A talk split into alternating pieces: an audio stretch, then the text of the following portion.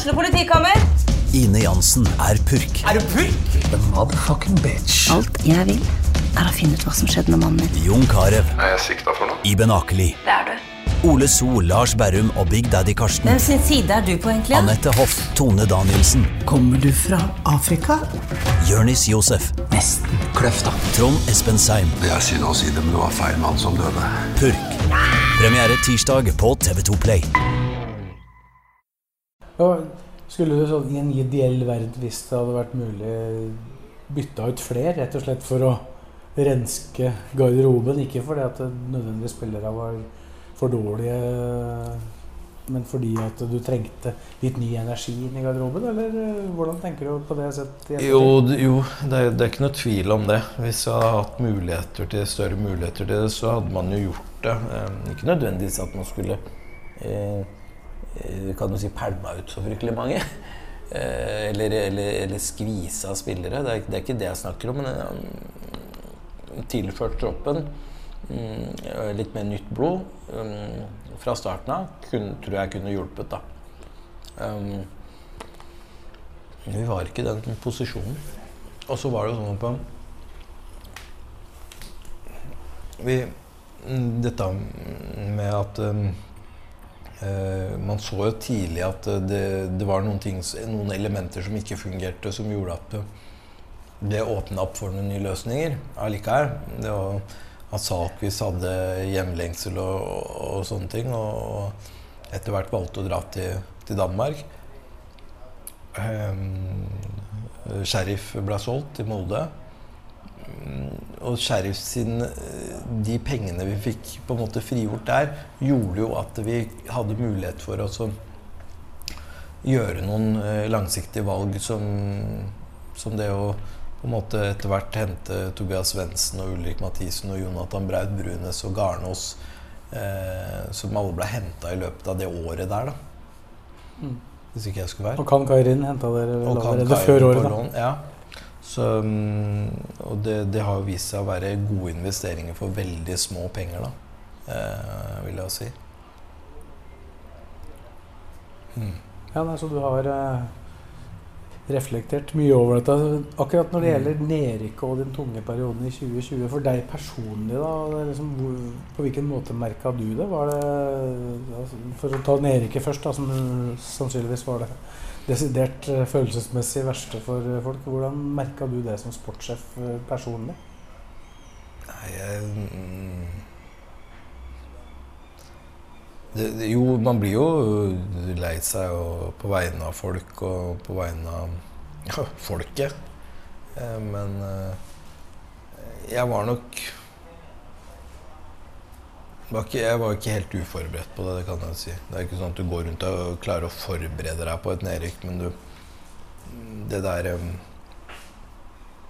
for min del long time coming, liksom. Eh, og det eh, Og så kan, så kan alle selvfølgelig si at eh, det kunne man unngått. Ja, man kunne jo unngått det. Man kunne helt sikkert unngått det på en eller annen måte. Men jeg, jeg skjønner ikke helt hvordan man skulle klare å unngå det uten å Uh, Uten at man måtte en tur ned til slutt, da.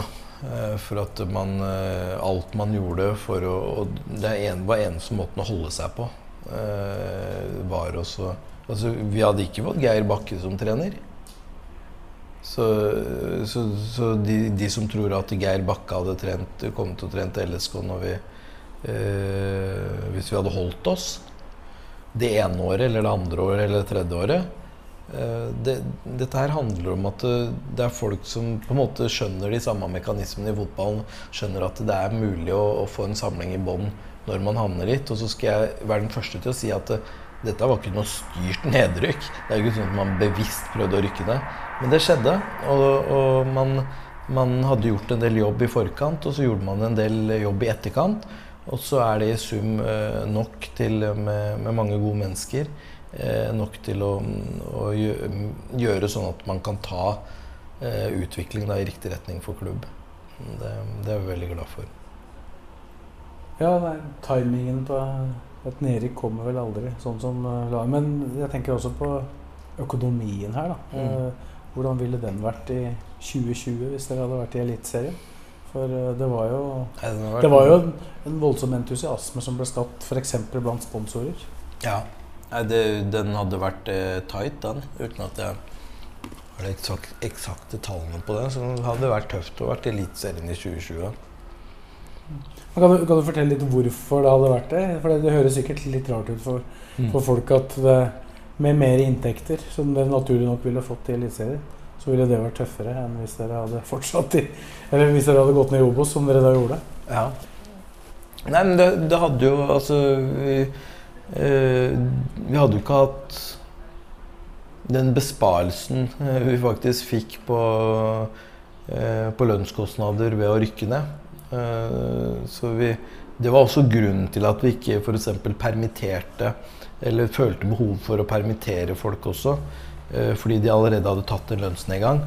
Eh, mens Hadde vi vært i Eliteserien, så hadde det ikke vært noen lønnsnedgang. Det hadde vært det samme kostnadsnivå.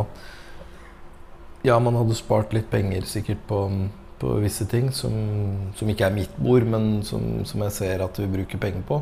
Eh, Sånn som vakthold og sånne type ting. Mm, Så når man ikke har publikum, så trenger man jo ikke betale for det. Eh, Men Altså, dere måtte vel også sannsynligvis ha fornya troppen på en annen måte? Ja, du måtte, og du hadde hatt eh, mindre Altså, det hadde vært tøffere å stå i det med eh, Mats i mål, og at Eskil får spilletid, og Mats får spilletid, og Ranger får spilletid. Det, hadde jo vært tøffere å gjøre det i Eliteserien. Eh, så det at de fikk liksom det startåret eh, i Obos-ligaen hvor de spilte mye, da, var fantastisk. Og det ser man på den reisen de har hatt nå, for nå er de gode eliteseriespillere. Men for, altså, for deg og opplevelsen din, da, det er jo greit, men uh, merka du det? Altså fikk du, fikk du mye meldinger og trusler og sånne ting i den perioden etter at uh, laget gikk ned? For jeg regner med at det var noe frustrasjon som skulle ut. Ja, fikk, fikk mye eh, mailer og telefoner og ja, alt mulig slags tull, da. Hvordan forholdt du deg til det? Nei, du, hvordan forholder man seg til det? det?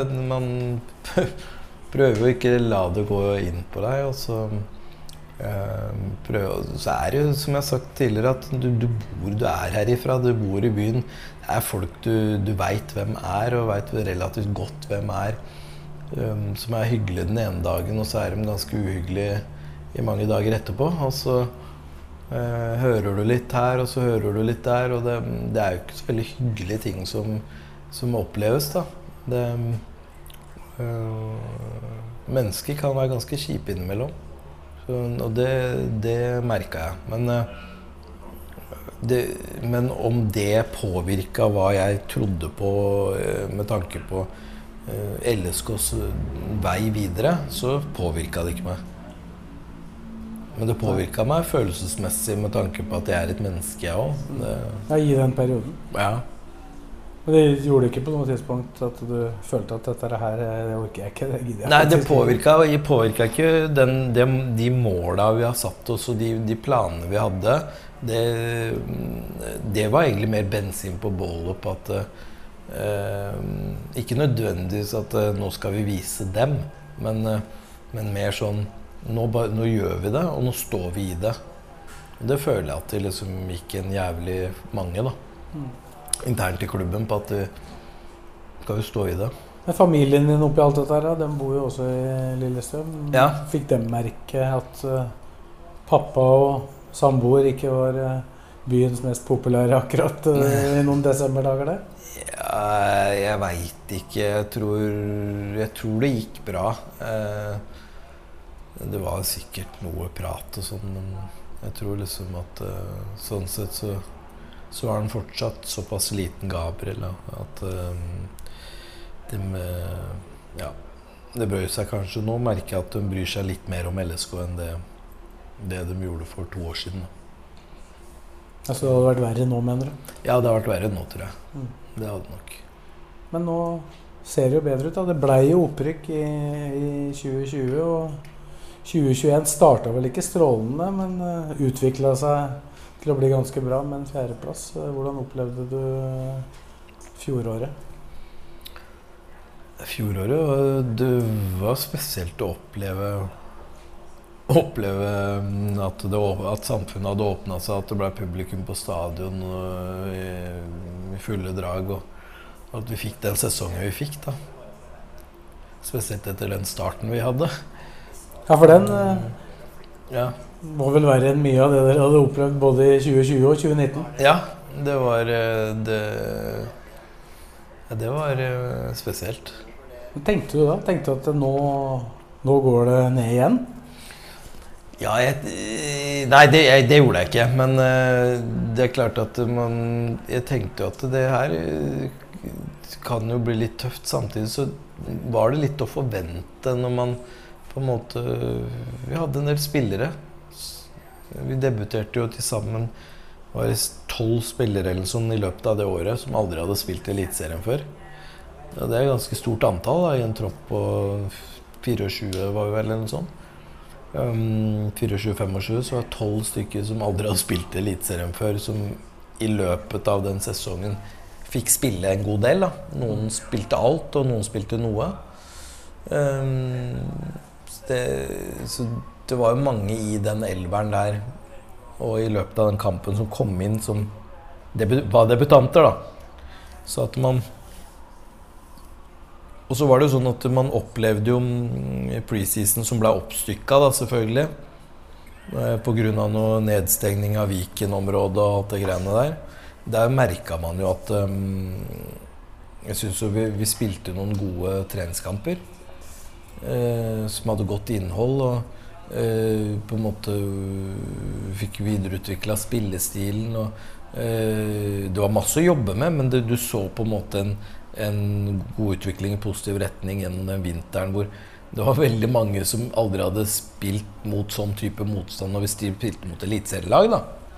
Uh, Lene Olsen så ganske skarp ut og sånne ting. Og så, så kommer vi da den uh, Og vi hadde jo spilt mot Godset. Uh, det var ikke mange ukene i forveien så hadde vi spilt mot Godset. Og vant vel den treningskampen på ganske imponerende vis så kommer vi til den kampen, og da, da er det litt sånn at det, er litt sånn, det man lærer seg å være i Eliteserien en periode, er jo det der med treningskamp mot de samme eliteseriespillerne som har spilt si 100 kamper i Eliteserien, eller mer. Og du møter dem to uker seinere i en seriekamp, så er de to knepp opp, liksom. Og da hvis du holder på der nede, så blir du bare spist opp. Og det, det er forskjellen på de treningskampene og de, eh, de seriekampene som, eh, som mange nybegynnere blir, blir, lurt litt av. Da. Eh, det temposkiftet som skjer da. Så vi merka jo det. Men det var en erfaring, da, og det var den erfaringa som man tenkte liksom hvor, hvor, fort går det før man tar til seg den læringa og på en måte gjør noe med det. da. Men hvis du var litt overraska over at det smalt i starten, eh, ble du overraska over hvor fort de lærte? Ja, det Kan jo si det. Altså, det jo ett tap til hjemme mot Viking, og så ja. Vant dere jo da den tredje kampen. Og etter det så gikk det vel relativt greit? Ja, det gjorde jo det. Og det jeg, det, det, gikk jo relativt men, men, det er klart at du, du, hadde jo sett litt hva de hadde holdt på med tidligere i vinteren. da. Så vi, vi, vi, hadde tro på at vi hadde et lag hvor, som, som kunne bite fra seg, men at det, man var litt usikker på erfaringsnivå da hvor kanskje bånnivået lå. da. Om båndnivået er det høyt nok, eller, eller er liksom kan man være oppe og nikke der, men så er man helt ned bånn i bøtta i, i, flere kamper. Eh, den er kanskje den verste følelsen også å ha som trener, vil jeg tro. Eh, den at du du er der oppe, og du veit at toppnivået er ganske høyt, men båndnivået er ganske lavt, så det kan variere veldig. da. Så det å liksom få pressa den, eh, den, det laveste nivået til et, til et ikke så lavt punkt, det tror jeg liksom var litt nøkkelen for oss. Da. Det var vel det som også skjedde, at vi, vi hadde ikke fryktelig mange kamper gjennom sesongen da som var mm, fryktelig dårlig, for å si det sånn, i prestasjoner. Men det, det, snudde jo ganske formidabelt etter hvert. Hadde du trodd at uh, det skulle ende helt oppe på fjerdeplass eh, på noe tidspunkt der? Nei, altså til plassering så er det jo spesielt Når vi kom til siste serierunde, så, så trodde vel de fleste at Rosenborg skulle ta den tredjeplassen. Den fjerde, ja. Nei, fjerde, unnskyld. Den fjerdeplassen. Som da ville indirekte gi en europacupplass. Eh, sannsynligvis, da. Men eh, om jeg, om jeg, jeg hadde, Nei, jeg hadde jo ikke Det var ikke sånn at jeg satt og forventa det, men vi, vi, vi, er liksom Vi er ikke så veldig opptatt av dette med tabellplassering hele tida. Altså, jeg syns vi har, har, vært flinke trenere og støtteapparat og, og spillere til å eh, snakke om, eh, om eh, prestasjoner. Eh, snakke om utvikling. Og, og det er det samme som jeg i stor grad gjør også i i, eh, i styrerommet eh, når jeg rapporterer på vegne av sport, så er det prate om spilletid på egenutvikla spillere. Målinger av det og målinger av det og målinger av det. Og det å sørge for at vi snakker om utvikling, om hva er det vi kan Kan vi utvikle fasilitetene våre? Kan vi utvikle eh, støtteapparatet vårt, støtteapparatet vårt? Hvilke fagfelt er det vi skal fokusere på nå?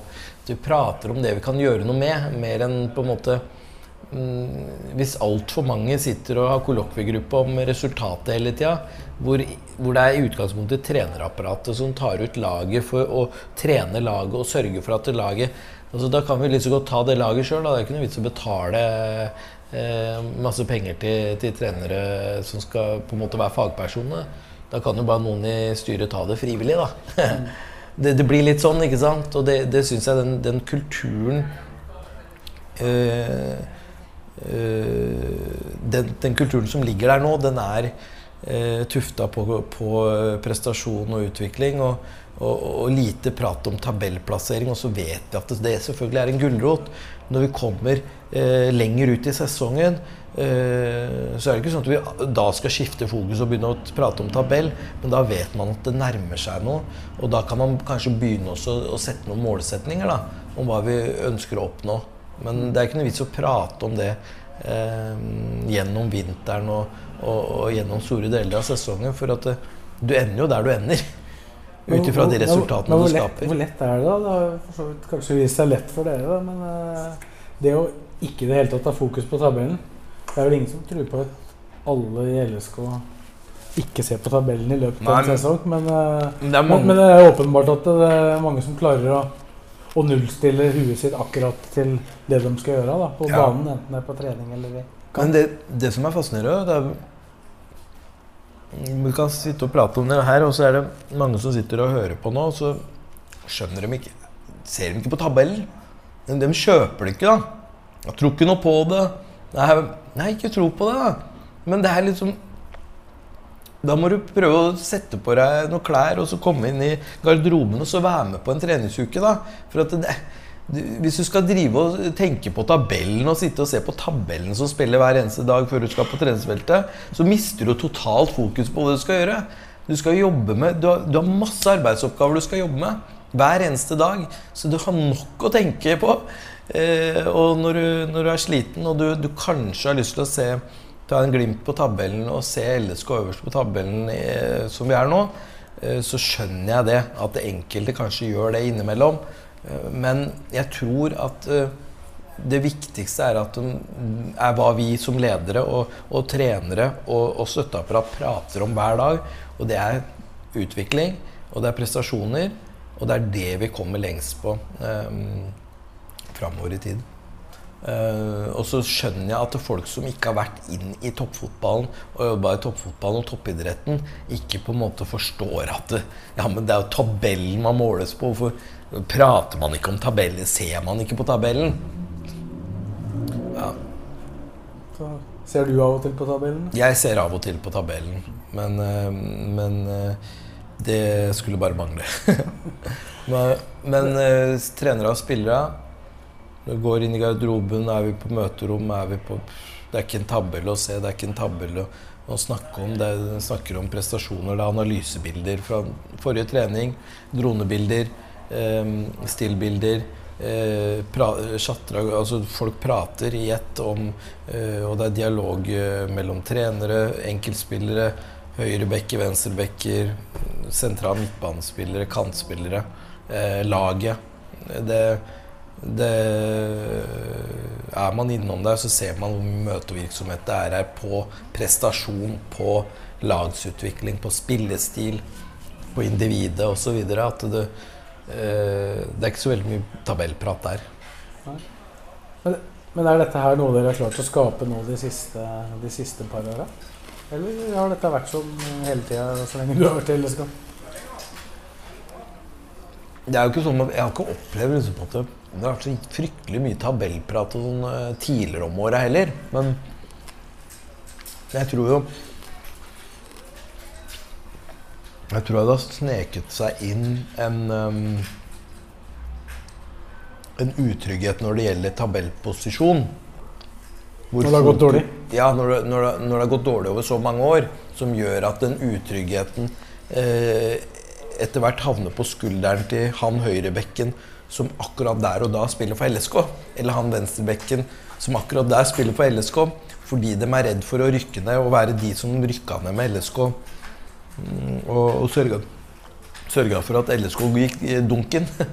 Og det, da tror jeg det sånn indirekte blir en del tabellposisjons Altså at man blir påvirka av tabellposisjon. da. Uten at man liksom prater og sitter og ser på tabellene i garderoben hele tiden. Så, så blir det sånn at man, man eh, blir påvirka av det. Eh, og så har du jo supportere som er opptatt av dette. Det er jo en kjent, uh, kjent supporter som er veldig opptatt av at uh, det må tas 34 poeng. Hei, Per Tandberg, hvis du ser på.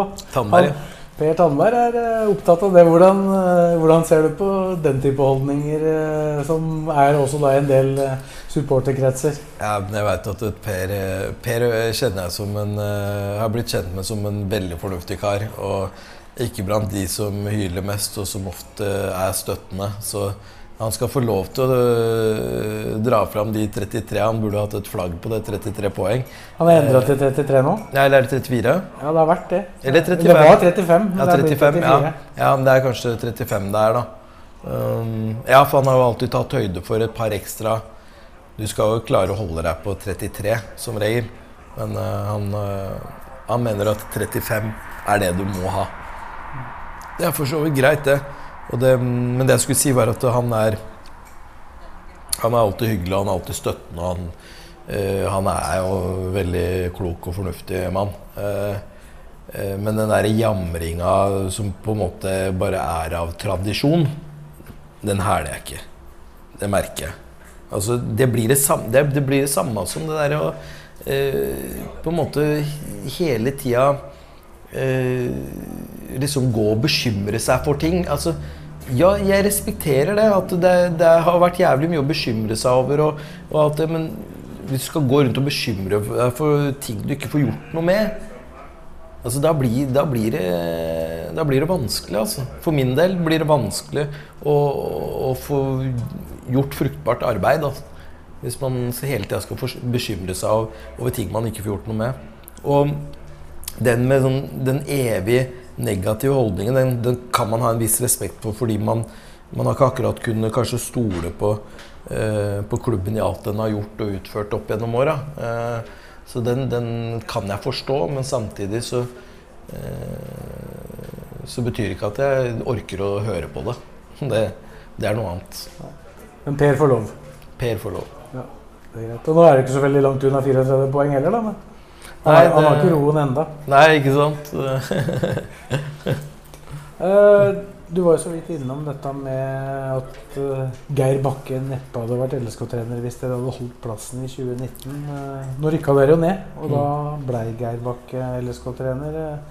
Fortell litt om prosessen med å få det som sikkert var en veldig god treneransettelse for LSK på det tidspunktet, men som ikke nødvendigvis fra utsida så ut som en god jobb å ta for Geir Bakke. Hva, hvordan klarte du å selge inn eh, LSK til Geir Bakke? Jeg prata like lenge som det her, da, så det da måtte han bare si ja til slutt. Nei, ja, eh, han ehm, Jeg hadde vel eh, min anelse om at eh, det kunne være interessant for, for Geir. Og så kunne man jo kanskje blitt litt lurt av at ok, man rykker ned. Nå er han vel ikke interessert, så da hopper man på en måte bare plutselig videre til, til, neste kandidat. Men heldigvis så visste jeg at det var på en måte jeg hadde, det var vel noen signaler jeg hadde fått med meg fra tidligere av, uh, uten at det var noe jobbprat da, men mer fotballprat. Og at det ikke nødvendigvis var negativt. da. Uh, så var det jo sånn at det var noe åpning for oss å bytte, bytte klubb der dersom ja, altså det, var, det, var, en løsning for å, for å eventuelt komme til et bytte av klubb. da. Uh, Geir hadde jo vært lenge i Sarpsborg, men hadde jo relativt nylig skrevet en, en ny kontrakt der, vel. Det var ikke så lenge siden. Um, og så prata vi om uh, hvordan man skulle bygge team og, og sånne ting. Og det, Petter kom jo ja, først, først, og fremst fikk du vel lov til å prate med ham først? da? Ja, ja men uh, så er det jo det der med at um, man finner et eh, støtteapparat og får jobba inn det. Og uh, at uh, Geir kom, nei, Petter kom inn i bildet der også var viktig. Um, det var en prosess, da. Men uh, prosessen starta med at man Jeg, jeg famla ikke helt i blinde. I, og i hvert fall ikke blinde på hva man ville ha. Det var klare, solklare førstevalget. Mm. By hvor, far. Hvorfor, hvorfor var Geir det på det eh, tidspunktet? Det er lett å, lett å si det nå når det, folk ser hva han har gjort, men Ja, så jeg tror det faglige det står for seg ikke sant nå. Det, men jeg tror også det, det, menneskelige står for seg også nå, og er ganske synlig. Jeg tror liksom de aller fleste som eh, har fått med seg Geir Bakt som trener nå i toppfotballen i, i en mannsalder, eh, enten som assistenttrener eller som hovedtrener, har fått med seg at Geir er en eh, fantastisk fin person. Han, han, er ærlig, han er åpen, relativt åpen å snakke med for media og for spillere og for, for alle som, som, er inne i dette sirkuset. Han, eh, han, står for gode verdier, og han, han er en eh, kjernekar. Og, og, det er liksom bare på det menneskelige. Og så kan vi begynne å gå på alt det faglige, men det faglige syns jeg står seg veldig greit med det, det han har vist i de, de sesongene han har vært i LSK til nå. Uh, sammen med, og sammen med Petter, ikke minst. Altså, uh, Petter er, er råfaglig og, og, har også de samme menneskelige verdiene. Er en veldig, veldig fin person. Uh, og, og, en person som som, som, virkelig er en Det er noe greier utafor her. Ja en person som virkelig er inne på um, de samme verdiene som, som, jeg og Geir står for. Så vi, vi blei fort en treerbande der som på en måte uh, kunne jobbe med de samme tingene og med de samme grunnverdiene. da. Og, og, så er vi jo selvfølgelig enige og uenige om ting innimellom, men, men det, det, det, er helt ufarlig, for vi er enige om det grunnleggende og hva vi ønsker oss spillere, og hva vi ønsker oss støtteapparat, og hva vi ønsker oss hos trenerapparatet på, på, hvordan ting skal fungere sammen. da styre og administrasjon selvfølgelig med, med, her og akademiet, men, men, hvordan vi har bygd A-laget, så er det på, på, på de premissene der. Ja, du, du, kjente dem fra før. Det har vi jo vært innom uh, for noen timer siden. da du snakka om at uh, Geir Bakke var treneren din i Skjetten. Petter Myhre var du da spiller sammen med. Mm. I tillegg da Jon Knutsen som har kommet inn seinere. Hvor, hvor, hvor, godt var den kjennskapen du hadde til dem som personer? Hvor, hvor mye betydde det for at du gikk for dem? Uh, hva sa du nå? Ja, hvor mye betydde det at du kjente dem så godt fra før? Eller du kjente fra før For at du gikk for dem og gikk god for dem som, som personer? Ja, det, altså det, gjør at du er, du er 100 på, på, trygg på personlighet. Da. Det er jo som å si med Om det er fotballtrener eller fysioterapeuter eller klubbleger eller eh, materialforvaltere eller eh, andre typer ansatte både i klubb og i, ellers i samfunnet, så er det sånn at det, det er fa, Faget eh, kan du ryke på det òg, men det er større sjanse for å ryke på personlighet. Så hvis du treffer, treffer på personlighet, så, så, øker du sjansen for at du også treffer på det andre, selvfølgelig, når du vet hva du har ansatt. Da. For du, du vet som regel hva du har ansatt faglig. Du, eh, men du, du, tror du vet hva du har ansatt eh, på personlighetsplanet. Men det veit du egentlig ikke hvis ikke du kjenner folk fra før av. Så den, du hadde på en måte en fordel med at du kjente dem fra før av, og så fotballfaget kunne du på en måte for, ja. hente, hente, ut av hva de hadde prestert. da. Ja, og det visste man på en måte hva de står for, og uh, eh, veit jo hvordan de ønsker å jobbe med, med, med lag og med, med, individene. Og det, det, Der har de jo på en måte fått uh, gode rammer og, og, og, frie rammer til å liksom sette sitt preg på det. da. At ikke alt er liksom A4-klubbramme. Uh, vi har jobba litt med klubbramma på hvordan vi ønsker stallsammensetning, hvordan vi ønsker at eh, ting skal se ut i hvordan vi ønsker å utvikle laget og spillerne over tid. Men de har hatt frie rammer til å utvikle kultur, til å utvikle spillestil, til å utvikle eh, eh, formasjon, til å utvikle eh, individene eh, innafor eh, ja, relativt vide rammer, vil jeg si og vært relativt sentrale, hvis jeg har forstått det riktig, også i den ombygginga som har skjedd uh, på Åråsen der. Mm. Jeg var vel på den omvisningen der med, med, Geir Bakke rett etter han hadde begynt. Og det var jo, det var jo mulig å gjøre noe der. Mm. Mm.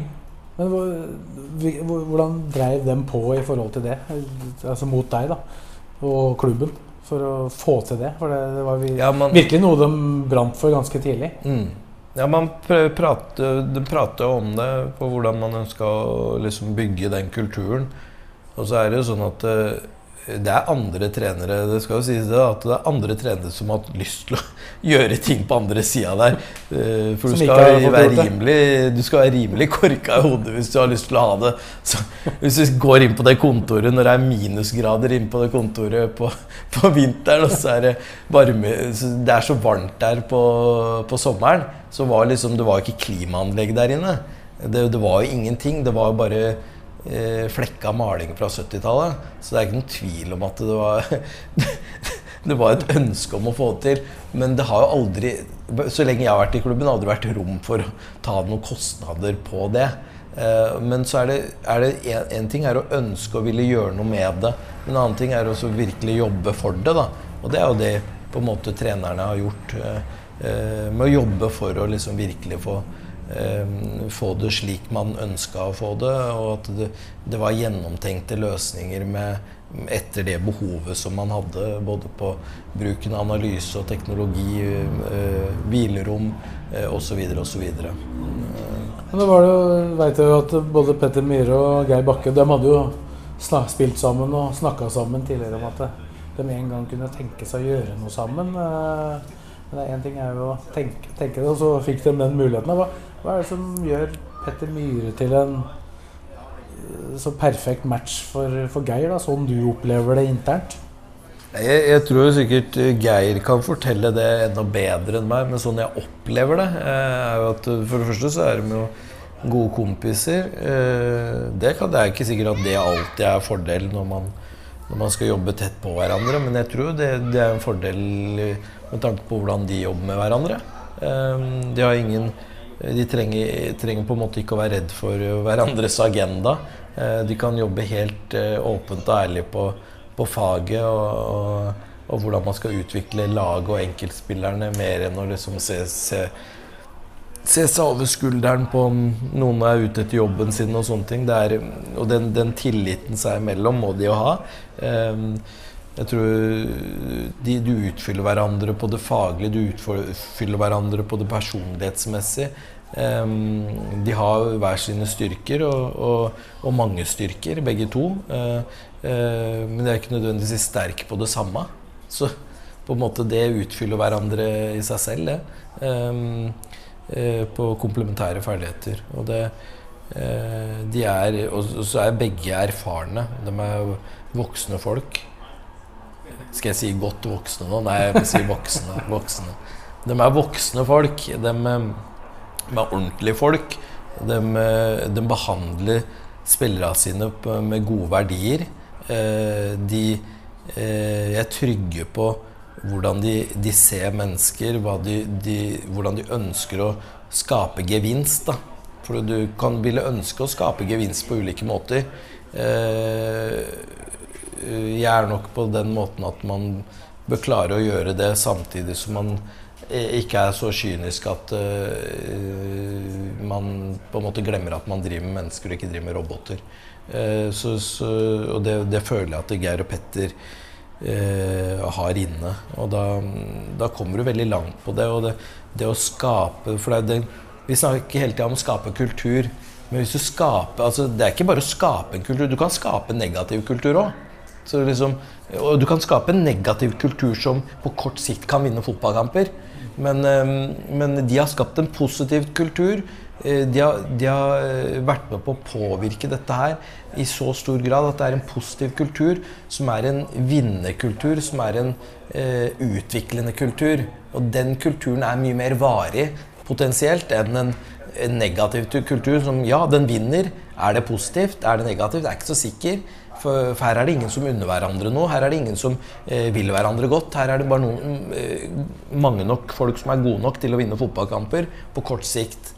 Det føler jeg at uh, vi ikke driver og bygger noe på kultur, og det, det har Petter og Geir uh, en stor del av æren for. Og så har vi et støtteapparat som, som er fantastisk også, som, uh, som, har de samme grunnleggende verdiene som, som meg og, og som trenere. Og, Eh, da, da, kommer du langt med at veldig mange tenker likt. Veldig mange gode mennesker som jobber godt sammen. Eh, eh, som legger til rette for at eh, vi har en god kultur, en spillergruppe som jobber godt sammen også. Mm. Det er lett å skryte mye av eh, et støtteapparat og eh, folk som jobber med et lag som leder serien i Norge. Men litt tilbake til Geir spesifikt. Da, for det er jo lett for for oss som følger dette laget ganske tett, å se at, at Geir Bakke han gir ganske mange i sitt støtteapparat ganske mye ansvar. F.eks. Petter Myhre styrer veldig ofte de taktiske formasjonsbitene på trening og sånn. Hvordan opplever du Geir som leder der? Han har jo vært både assistent og hovedtrener. Han virker som han er veldig trygg på de han har rundt seg. da. Ja, han, eh, han, er jo veldig trygg på det. Jeg, jeg tror liksom eh, Verken jeg eller Geir har vel vi, vi, Jeg tror ikke vi har prata Vi vi har prata noe om det, men jeg tror vi liksom bare har erkjent at vi er, vi er sånn relativt like der, på en måte. På det der å eh, delegere ansvar. Det, det er ikke noe frykt i at uh, hvis man delegerer for mye, så er det noen som spiser opp posisjonen din, eller uh, at du, at du, tenker på noe annet enn at det skal sørge for at det gjør LSK bedre. Så sånn sett så har, man, har vi ganske sånn lite prestisje i det. Uh, det eneste som jeg er opptatt av som leder, er at det, det er et tydelig hierarki fordi når, det, når, du begynner å bygge ut organisasjonen, så trenger du et tydelig hierarki. Eller så blir det utfordringer på kommunikasjon og på hvem som har ansvaret for hva. Og til dels en ansvarspulverisering, da, worst case. Samtidig som uh, folket som, uh, som er, lever i organisasjonen, må vite hvem de skal forholde seg til.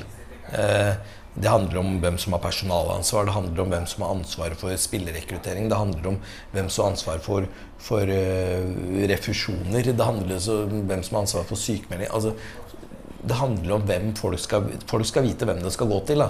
Uh, og det, der tror jeg liksom at uh, man må passe på at den prestisje, prestisjeløsheten ikke ender opp med at man delegerer bort så mye av ansvaret som gjør Og jeg, nå sier ikke jeg at Geir gjør det, men jeg sier i forhold til meg som leder, så er det noe jeg må tenke på som, som hovedansvarlig for sportslig avdeling, Å tenke på det. Um, og hele tida ha det i bak, bakhodet at uh, de ulike ansatte skal vite hvem de skal gå til. Uh, det handler om hvem som er leder for denne avdelingen, og hvem som er leder for denne avdelingen, og det handler om hvem som Eh, skal rapportere til hvem, og det handler om eh, hvem som har ansvaret for hva. Og det, det, må, være, det må være ganske tydelighet i. Men å delegere ansvaret innafor de linjene, det er, eh, det er tipp topp, det. Fordi det sørger for at flere får eierskap til det man holder på med. og det, eh, det er ikke noe som er bedre enn det. Og så handler alt til slutt om å ansette, treffe på de riktige menneskene. For kontinuitet med gode mennesker er bra, kontinuitet med dårlige mennesker er dårlig. Så enkelt er det. Hvor, hvor mye jobb bruker du ekstra for å være sikker på at du treffer de gode menneskene? Det var kanskje lett med, med Geir og, og, Petter, som du kjente fra før, da, men uh, det er ikke alle du har ansatt som du har kjent? Like nei, nei det, ja, ja, man bruker jo tid på det, men jeg bruker Og så er det når vi, vi, ansetter fysioterapeut, det har vi gjort en del ganger, så er Geir Kåsene han er med i hele prosessen hele rekrutteringsprosessen med intervjurunder og sånne ting. Eh, jeg kan ha med Tone selvfølgelig når, hvis, hvis det er, når det er til akademiet. Eh, Robert Lauritzen. Eh, når, når vi f.eks. skulle ansette en administrativ leder til akademiet, så var både Tony og Robert og jeg med den poolen der. Så når du var fysioterapeut i A-laget eller fysioterapeut i akademiet, så er Geir Kåsene med som regel. Bruke kompetansen til de som er kompetente. Og for min del så handler ansettelser om å ansette eh, masse folk i de ulike fagfeltene som vi trenger dekt, og de skal gjerne være mye bedre enn meg til å, til å gjøre den jobben i de fagfeltene. Jeg skal kunne litt om alt, og, og nok om alt, til at uh, man på en måte kan styre dette her i riktig retning sammen med de det gjelder, og de ulike avdelingene det gjelder. Men, eh, men det, det, er eh, Vi har vært veldig tydelige på at vi, vi hadde en del å hente på ikke bare spilleransettelser, men ikke-spillende ansettelser også. På alt som omhandler administrativt ansatte, sånne type ting. Og det tror jeg liksom klubben gjorde, hadde gode Robert hadde gode prosesser med med tanke på ansettelse av noen markedsansatte. Uh, både Kari og Andreas, bl.a., som ble ansatt i fjor. Eh, eh, det var jo ikke jeg med på, men det, det, det, er jo på en måte en annen del av klubben eh, som, som, Robert tar seg av, sammen med styret. Og da var det gjort ordentlig dybdejobb med et rekrutteringsselskap. Og det har vi gjort i en del av de andre ansettelsene på sport også. Hvor vi har det kan ligne veldig på det man ser i næringslivet. Og det, det, kan man i stor grad også ta seg tida til når det gjelder de ulike stillingene. Da. Så det er ikke sånn at det, det holder å ha vært fotballspiller eller Nei. involvert i fotball på et eller annet tidspunkt for å få jobb? Nettopp. Og så kan det hende innimellom, sånn som f.eks. med André Sjelander. Så skal jeg ikke stikke under en stol at jeg kjente André og har kjent han i mange år. Eh, jeg veit hva han står for. Uh, og så var det litt å avsjekke på det, det faglige og oppdatere på hvor, hvor står den faglig sett uh, med tanke på dette med analyse. Visste du at den hadde jobba i NFF? Uh, visste at den hadde jobba ute i ulike akademier lokalt i Oslo og i Akershus. eller Romerike. Og så var det ett møte med, med Geir og, og, og Petter hvor, eh, hvor, det var viktig at de tre møtte hverandre for å se om kjemien falt på plass. Og det, det virker jo som det gjorde det ganske kjapt. Og da, da var det eh, veldig enkelt å ta den avgjørelsen på å ansette eh, André, og at vi blei enige om det. Um, så, så, noen ganger så har du noen sidespor. Men uh, vi har jo i stor grad uh, kjørt uh, gode prosesser og, veldig nyttige prosesser for, for den, de ansettelsene vi har gjort. Da. Mm. Og hvor, hvor, da er det Geir Bakke som er involvert i tillegg, da, når du ansetter noen som skal være i hans støtteapparat, regner jeg med? Ja, ja, selvfølgelig, men sånn er det. Prater, ansetter jo ikke en kjeft hos akademiet uten at eh, Tony føler at han er involvert i det. Ansetter ikke en kjeft i A-laget heller, uten at Geir og Petter øh, føler at de på en måte har vært involvert i det. Så vi har prata om det. og det, eh, Noen ganger så er det de som på en måte ber om Altså bestiller eh, eh, noe som er ønskelig, og andre ganger så kommer jeg med forslag. Så, eh, men uansett så blir det ikke gjennomført noe ansettelse. Uansett hvordan de, man kommer fram til de ansettelsene, så blir de ikke utført uten at det, Eh, man drøfter det gjennom. Da. Det høres ut som eh, det er prosesser der. Eh, Hva er den neste prosessen på ansettelse nå? da? Kan du si noe om det? Hva, du, hva dere jobber med der, hvis dere skal nye inn? Um, Altså nye roller.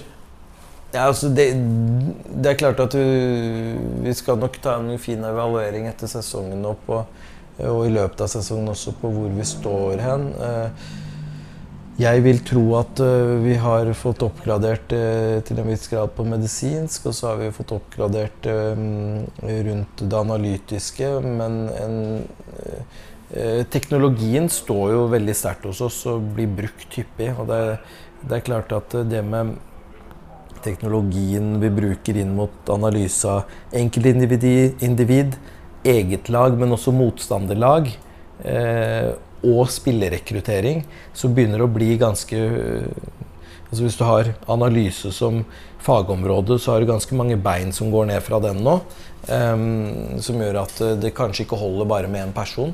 Um, og at vi må, må se på ytterligere eh, utvidelser der kanskje potensielt. Og så, og så får vi se videre hvordan vi håndterer det. Men, men um, vi skal i hvert fall ikke være redd for at når vi, så lenge vi får nytte av det, at vi, vi ansetter folk som skaper verdier for oss. Det, det er ikke noe tvil om. Alle de som er ansatt nå, skaper verdier for oss. Hvordan, hvordan måler du det, bortsett fra den tabellen dere ikke vil snakke om? Nei, men du, du, det er jo gjennom observering og kunnskap om hva de gjør eh, hver eneste dag. Og så er det sånn også, til syvende og sist hvordan måler du egentlig at eh, en fotballtrener er god eller dårlig òg, liksom.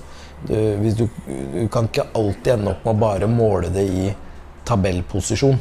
Så hvis du klarer å måle det på hvordan eh, flere elementer eh, Altså at du klarer å lage en del andre parameter, eh, eh, som ikke bare går på tabellplassering og poeng. Så, så dette med hvordan utvikler enkeltspillerne seg eh, har du en strategi om å, å, å kjøre inn afrikanske spillere? Hvordan klarer de eh, trenerne å utvikle og støtteapparatet å utvikle de afrikanske spillerne? Klarer de å integrere dem inn i treningshverdagen? Eh, liksom, klarer å skape mange nok sånne parametere, så klarer du å måle litt mer, eh, selv om det blir kanskje også litt mer synsing.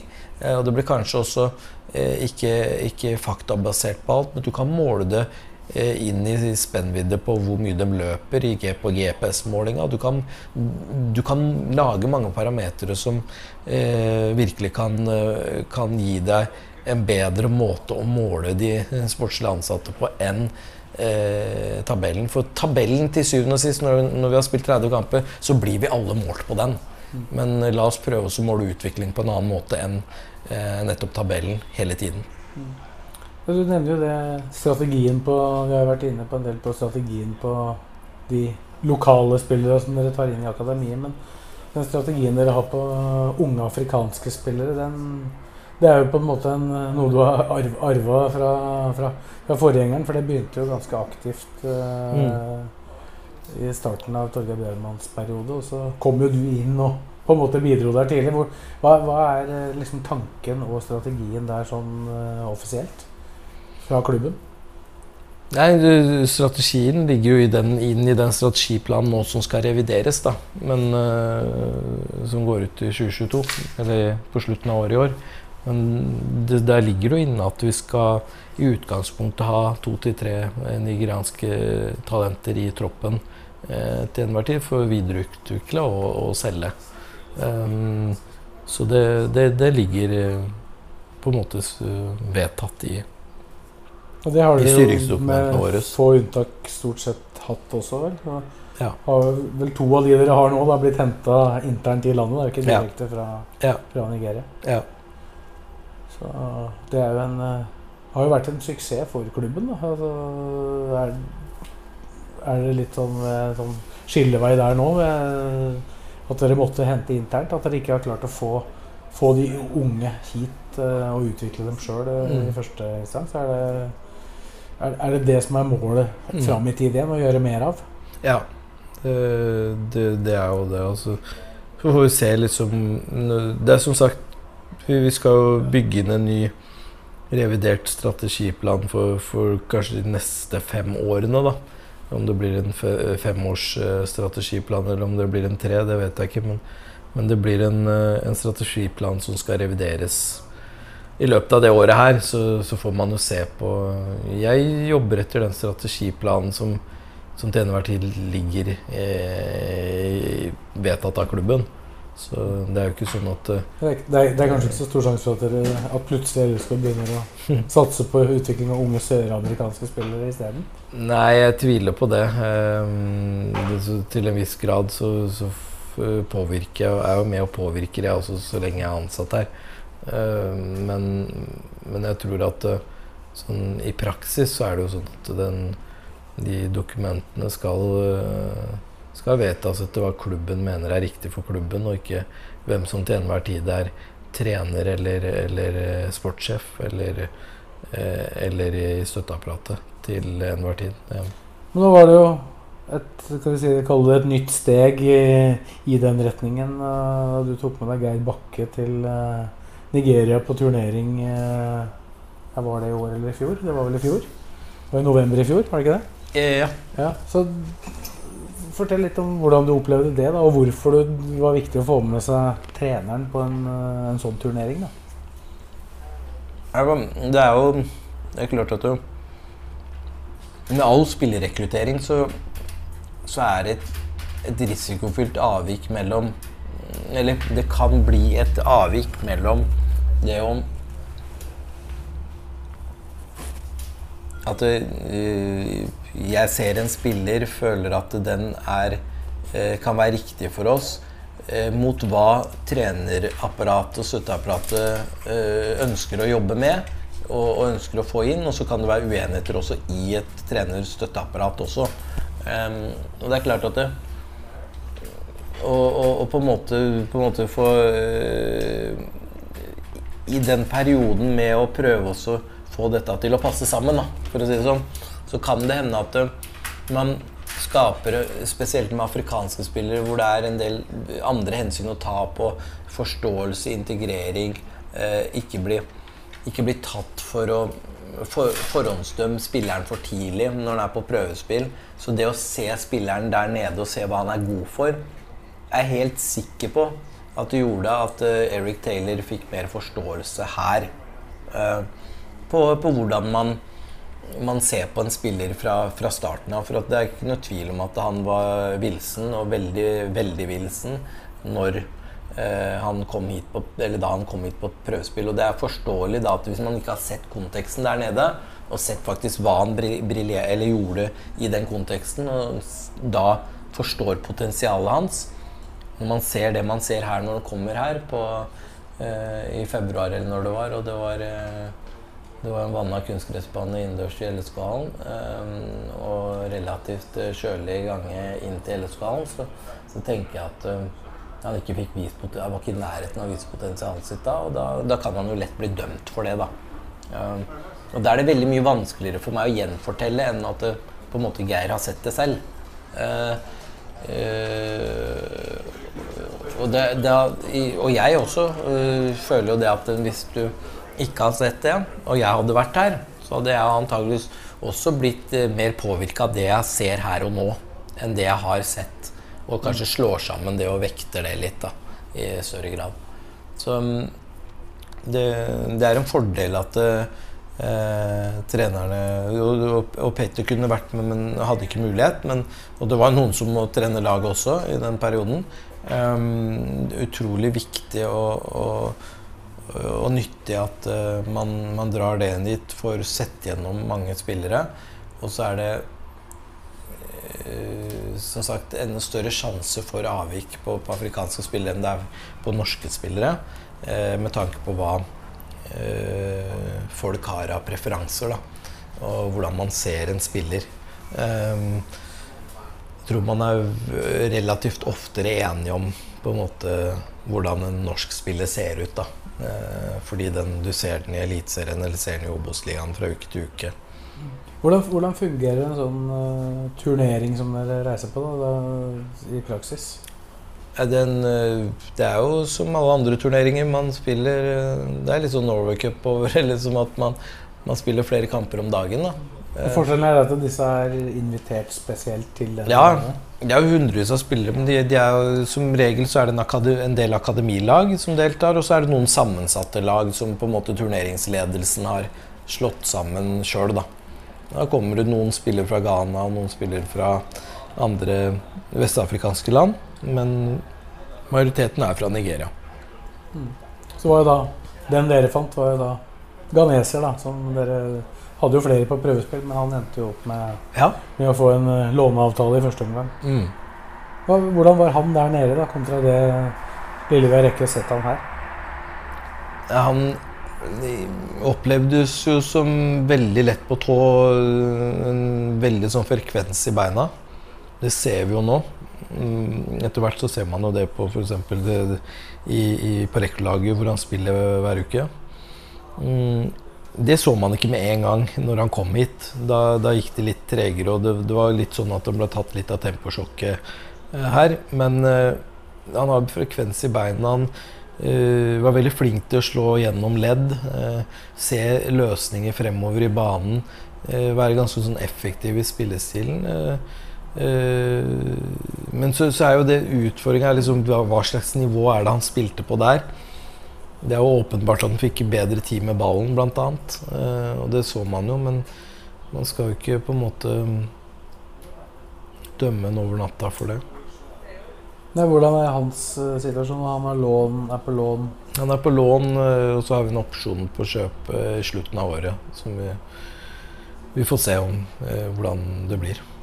Men så blir jo en sånn Afrikatur også en uh, opplevelse på, på annet vis, da. Du hadde med deg, Geir Bakke har jo fortalt eh, litt om dette i Romerikes Blad tidligere, men eh, det ble en spesiell eh, tur. Mm. Du har vært der før, så det var kanskje ikke så overraskende for deg? Ja, det er jo det er klart at man tror jo man skal eh, miste livet eh, når man kjører bil der. Og vi kjørte bil i to-tre timer, var det vel, eh, en vei eh, fra flyplass. Og med, med bevæpna vakthold i bilen, og det var ikke måte på. Så, men, så, så Geir var litt fascinert over at jeg klarte å sove eh, på den strekninga med, med alt dette, alle disse faremomentene som, som åpenbart var der. Men det er, det er som jeg sa, at uh, hvis jeg, hvis jeg dauer, så Hvis jeg dauer nå, så har jeg i hvert fall sovet godt, da. Ja, hvordan var det en biltur? Du sovna kanskje, så du kan kanskje ikke gjenfortelle hvordan Nei, det var? jeg, jeg sovna. Det var litt dumpete og sånn. Det, det merka jeg. Men, Det var ikke motorveier som her? nei, det var altså motorvei vei, altså det, det var noe som ser ut som en vei. Ja, For deg som på en måte har, har bakgrunn fra det afrikanske kontinentet, men, kontinentet, men ikke, har, eh, ikke har bodd der sjøl og vokst opp der, hvordan var det for deg å komme og oppleve sånne ting eh, for første gang? Ja, Jeg veit jo litt sånn hvordan det er. For så har jeg vært i Nigeria før, men, men jeg veit jo hvordan Afrika er. på en måte. Man på en måte blir jo fortalt ting, men sånn sett er jo ikke Afrika som kontinent Det er, det er noen likheter, da. Eh, som gjelder alle land. At det er ikke alltid liksom alt er eh, velutvikla. Og det er, det er korrupsjon, og det er, det er en del sånne ting som du bare på en måte må Og så er, det noen land det er verre enn enn i andre land. Da. Mm, Nigeria mm, har sine utfordringer. Det er veldig mange mennesker som bor der. Og det er jo mye korrupsjon, men sånn er det jo liksom. Vi, vi er gjester i landet, og vi prøver å vi prøvde oss å oppføre oss eh, på beste måte, og det, det klarte vi. Men det, det var noen, det var noen eh, veier med, med bilen der hvor du trodde at du Jeg så bare eh, Geir holdt seg fast i, i, eh, i stolen foran seg. Og holdt seg vel fast hele veien. Og håpa at det skulle gå bra? Ja, så det, Det gjorde det. Det gjorde det. Så det, det pleier som regel å gå bra. Men jeg skjønner eh, tanken om at det kan gå til helvete òg. For det, det, det var ikke akkurat sånn at eh, sjåførene kjørte i, etter noen fartsgrense. Og det er en grunn til at man har bevæpna politi også i, mm, fordi man skal kjøre gjennom noen strøk hvor det kan være fare for at man eh, som turist eh, blir rana. Men, men altså, når du kommer fra den verden da, som dere ser der, Og så kommer du til Norge som ung gutt aleine. Det er som regel kuldegrader her når de kommer på januar. Inn i en hall. Altså Er det det det, er lett, det er lett å forstå da, og det var vel noe av det Geir Bakke også uttrykte etterpå, at det er, det er lettere for ham å sette seg inn i hvilken overgang det faktisk er da, Mm. for type Eric Taylor å komme, komme hit. da. Ja, det er nettopp det, og det, det tenker jeg at det er eh, også eh, på en måte noe av det fine med at Geir kunne være med. Det er jo nettopp det der at du eh, får kjent litt på kroppen den derre forskjellen. Eh, dra fra trygge Norge til dit, og, og da kan på en måte reflektere rundt omvendte. Da. Og det, det er også min mening med å dra dit også. øh, kunne, kunne kjenne litt på det. Og det, det husker jeg kjente forrige gang også når jeg kom hjem. At det, du kan ha forståelse for øh, en del av de tingene som skjer oppi hodet til en nigeriansk spiller når han kommer til, til Norge. Um, så det, det er en veldig fin øh, refleksjon rundt det. da. Nå har vi jo prata litt om eh, støtteapparatet her, og det som har skjedd eh, i din tid som sportssjef. Og så da tenker jeg på Geir Bakke. Han signerte jo en lang kontrakt eh, på fem år. Men eh, han er over halvveis eh, snart i Ja. den eh, kontraktsperioden. Er det, er det sånn at, eh, at dere begynner å tenke på mulighetene for å forlenge den, eller er det for tidlig? Jeg, jeg tenker jo at um, eh, det, det også, For all del, selvfølgelig. Kunne reforhandla den eller forlenga den. Eh, og det tipper jeg at på et eller annet tidspunkt at det blir naturlig å gjøre òg. men jeg husker jo at man tenkte at den kontrakta Eller det var, det var mange som tenkte at den kontrakta der var veldig lang.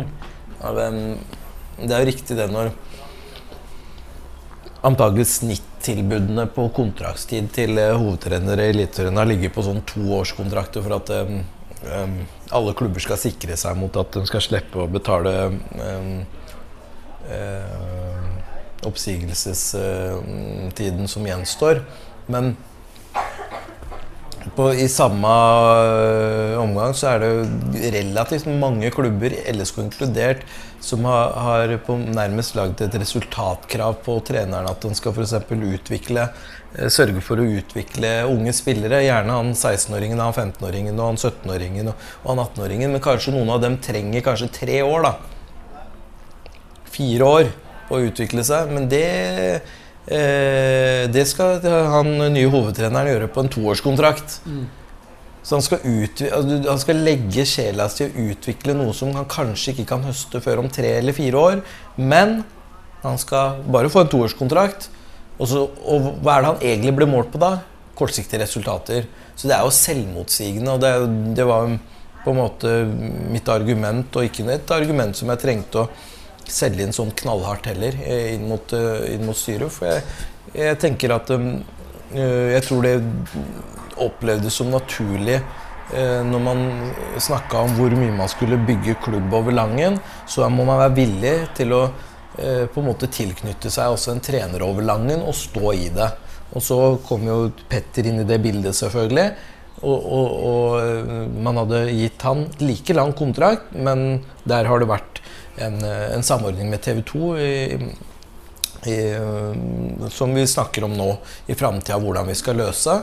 Um, men det er jo ikke noe tvil om at man hadde gjort akkurat det samme med Petter. Så det hadde gjaldt Ja, for han er nå på utgående. ja, ja, så der har man tatt det på litt kortere intervall, men det har på en måte vært for å legge til rette for at dette skal passe for alle parter. Da. Så der er det samtaler nå. Det kan du si. Ja, ja, absolutt. absolutt. Så det er ikke noe å legge skjul på det. At vi selvfølgelig ville ha med Petter. Og, men det, poenget mitt var at vi hadde hadde det vært mulig, så hadde vi skrevet like lang kontrakt med, med, med Geir Nei, med Petter som med Geir. Som, for der, der, øh, vi, der er man te nødt til å vise at man mener noe med det man sier. Altså Talk to talk, walk to walk, liksom. Hvis ikke så blir det jo, øh, blir jo dette her selvmotsigende. Og det er ofte det det har blitt, da. Det er ofte det det har blitt i hvordan man planlegger ting, hvordan man sier ting, hvordan man kommuniserer, hvordan man gjør. Så, så blir det selvmotsigende. Og da er det jo ledelsen sitt problem. Da er det et ledelsesproblem. Da er det ikke et trenerproblem. Det er ikke et spilleproblem. Det er et lederproblem. Og det, det må vi erkjenne som klubb at eh, vi, vi, vi tenker at vi skal gjøre noe med, og det har vi gjort noe med nå. Så står vi i det med Geir. Og så er det liksom ikke Du må være sikker på som jeg sier, hvis, hvis vi ikke hadde vært sikker på personligheten til Geir, sikker på personligheten til Petter, så kunne man ikke gjort det. For det er ofte det man ryker på. At spillere nei, at, Unnskyld, at trenere også eh, får den tilliten, eh, men, men mister eh, mister tilliten fordi de på en måte mister seg sjøl i en prosess med, med dårlige resultater osv. Og så er jo det Har klubben støtta treneren nok? Er treneren eh, tro mot eh, filosofien eh, som er lagt av klubben? Det, det, kan alltid være en diskusjon rundt det. Men jeg velger i hvert fall å vinkle mest på det nå at klubbene må støtte opp under trenerne sine i større grad. Og det gjelder også LSK. Da har vi prata oss eh, fram til en mulig pause igjen, Simon. Jeg vet ikke, Hvordan går det? Jo, det, det går fint, det. Jeg fikk en liten I denne omgangen her så fikk jeg en liten sånn oppkvikker. Jeg. Har du så, vært på kaffen nå? Jeg, ja, jeg tok en liten kaffe, men var, jeg tror det var litt sånn før det òg. Så dette her ser jo lovende ut. Nå er vi snart på eh, Hvis vi sier at eh, Var det 33 timer? Ja visst det. Ja, hvis, men, da er vi snart på en tredjedel, da, sånn roughly. Hvis du sier at du 30 timer Altså fra 30 timer og ut, så, så er det jo en drøm. Ja, det er, det er mulig, det. Jeg har ikke, jeg har ikke vært med ja, på det før. Nei, det tror jeg er en drøm. Jeg tror de tre, de tre timene der etter 30, dem, dem skal jeg sta, eh, Dem kunne jeg tatt på Det er, det er, det er, om, det er omtrent om et døgn. ja. ja. Simon, Men vi får, ikke, vi får, ikke, bekymre oss, har jeg lært i denne timen. Det er bra. det er bra, Da har du lært noe. Så da gjør vi det. Så da tar vi en liten break igjen, så er vi tilbake om ti minutter.